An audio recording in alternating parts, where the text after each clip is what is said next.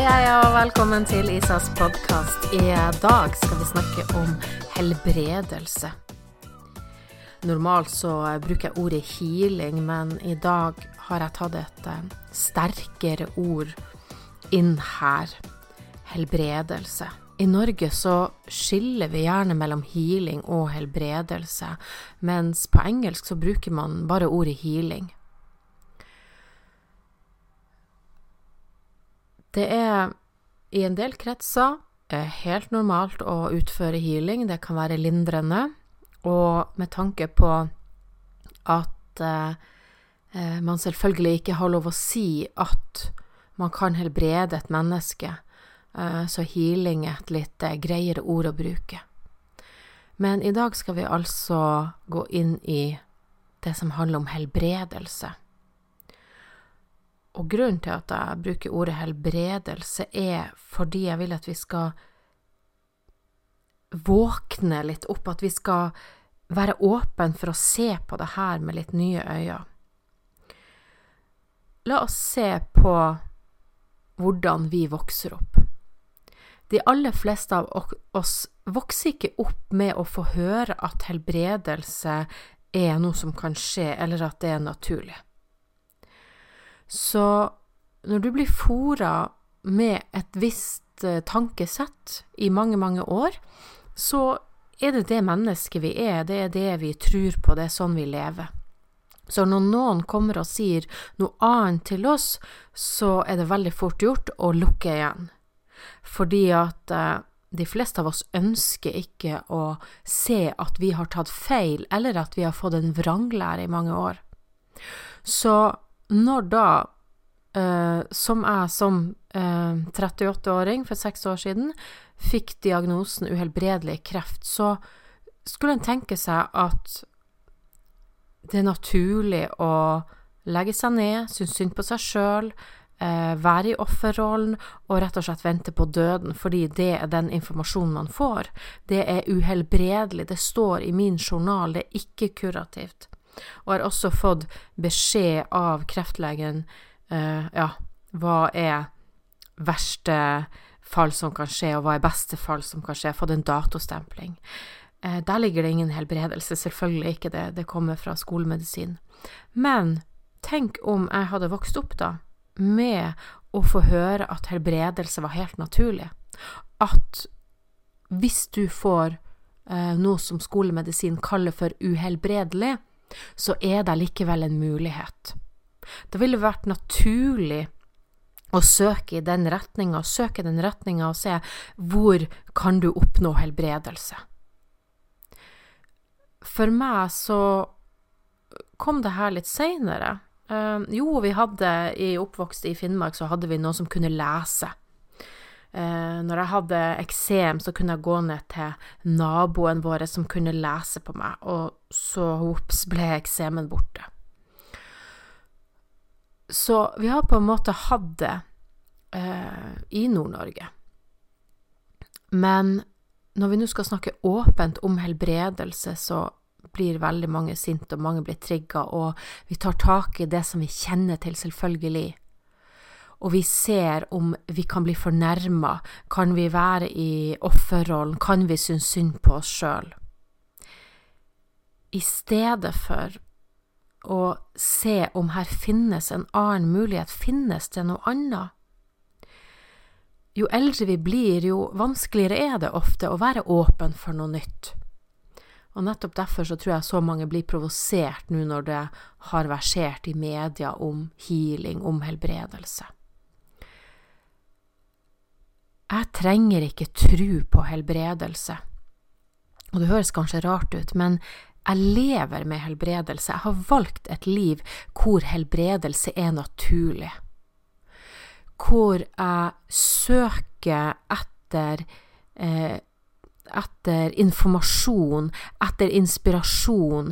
Jeg søker etter og leter etter de som har opplevd helbredelse.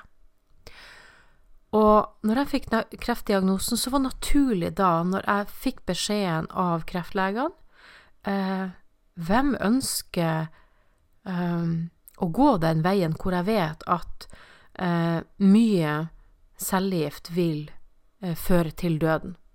Da ønsker jeg selvfølgelig å se på en annen måte, er noe annet som er mulig å gjøre.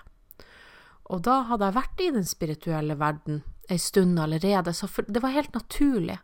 Og da viste det seg at jeg fant jo mange mennesker som hadde fått samme diagnose som meg, og som hadde opplevd helbredelse. Opplevd at kreften ble borte, opplevd at selv om de hadde fått kort tid å leve, så eh, levde de nå, mange, mange år etterpå, de var friske. Og jeg opplevde det å få eh, gode kontroller.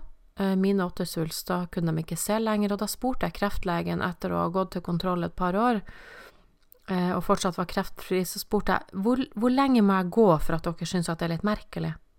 Nei, i hvert fall fem år. Og det er litt sånn, det, jeg skjønner at det er vanskelig når man har brukt mange, mange år på å lære seg en viss måte å leve på, en viss måte å jobbe på, så det er vanskelig når noen andre kommer og spør om noe annet, stille spørsmålstegn eh, og vise at der finnes en annen vei også. Så, så blir det merkelig. Det er lett å lukke igjen og bare ikke forholde oss til det. Når jeg sier at jeg ikke trenger å tro på det, så betyr det at jeg lever i en verden hvor jeg kan skape min egen virkelighet.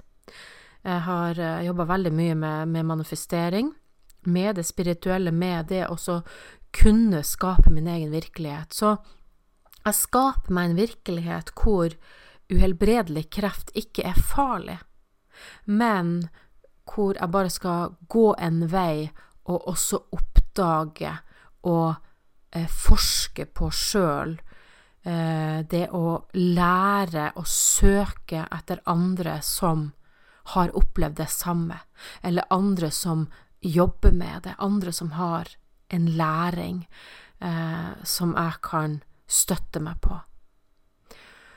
Og i den forbindelse så har jeg faktisk begynt å lese Bibelen.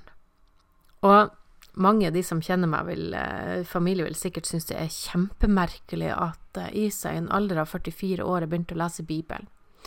Nå eh, bor jeg jo midt i det vi kaller bibelbeltet nå, og det er ikke sånn at jeg begynte å, å gå i kirke eller noe sånt, men jeg begynte å lese Bibelen. Hvorfor det? Jo, fordi at Bibelen er en naturlig bok som faktisk forteller om helbredelse, så jeg finner den ufattelig interessant.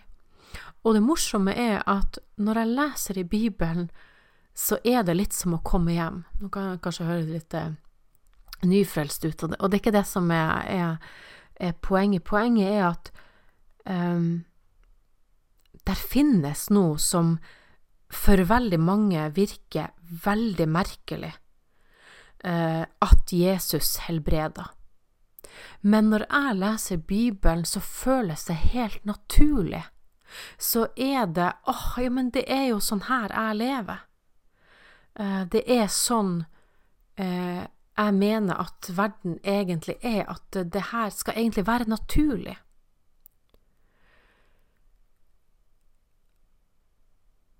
Det er vanskelig for veldig mange. Jeg har fullstendig forståelse for det, og har fullstendig forståelse for at eh, noen mener at den eh, spirituelle verden, det er utnyttelse, man utnytter svake mennesker.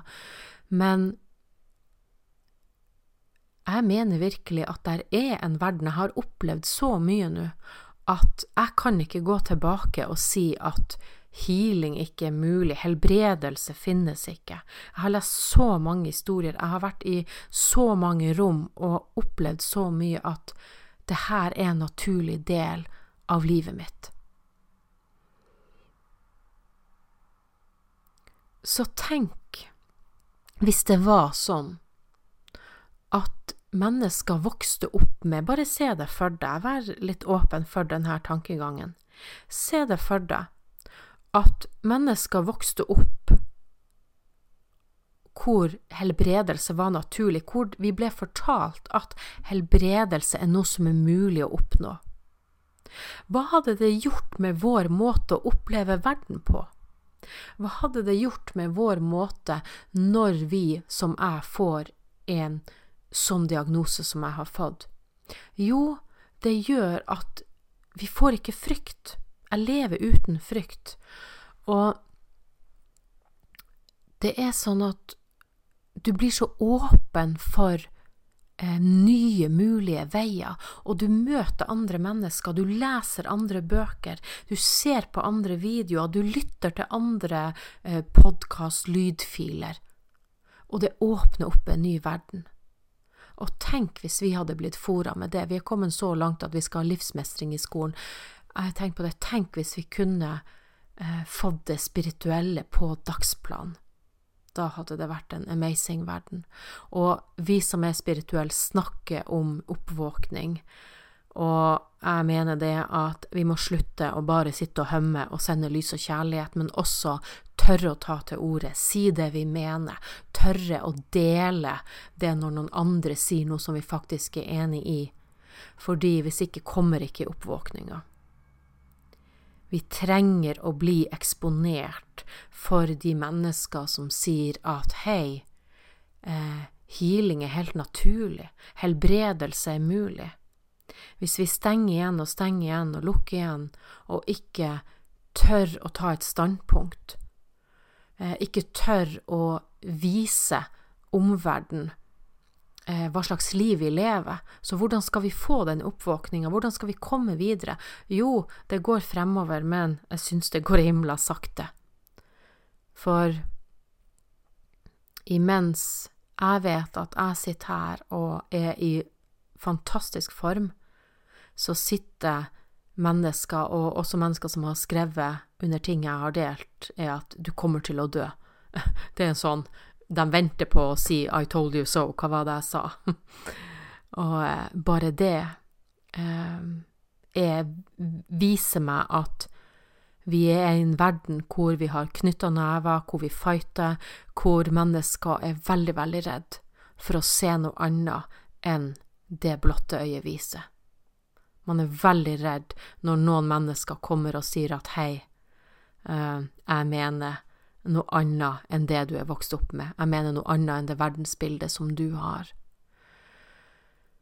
Um, jeg leste et sted her at de uh, Når vi snakker om, uh, om sjaman Durek og, og Märtha, at de håper at Märtha våkner opp snart.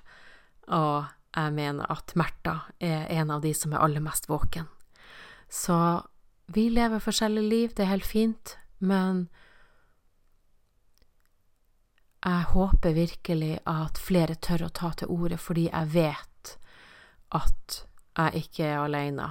Men når vi ser på kommentarfeltet, når vi ser på hvor usaklige vi kan være, og også hvor lukka vi er, så tenker jeg hvor er de spirituelle, hvor er de alternative, hvorfor sier de ingenting?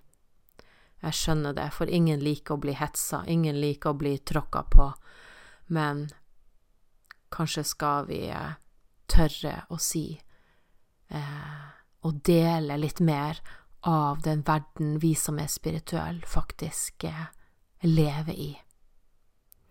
På samme måte som jeg satt og vurderte, skal jeg fortelle det at jeg sitter og leser i Bibelen, så tenkte jeg, vet du hva, det gjør ingenting. Det gjør ingenting hva andre mener, fordi at jeg deler bare litt av min reise, og hvis det kan inspirere noen, ja, da er det fantastisk.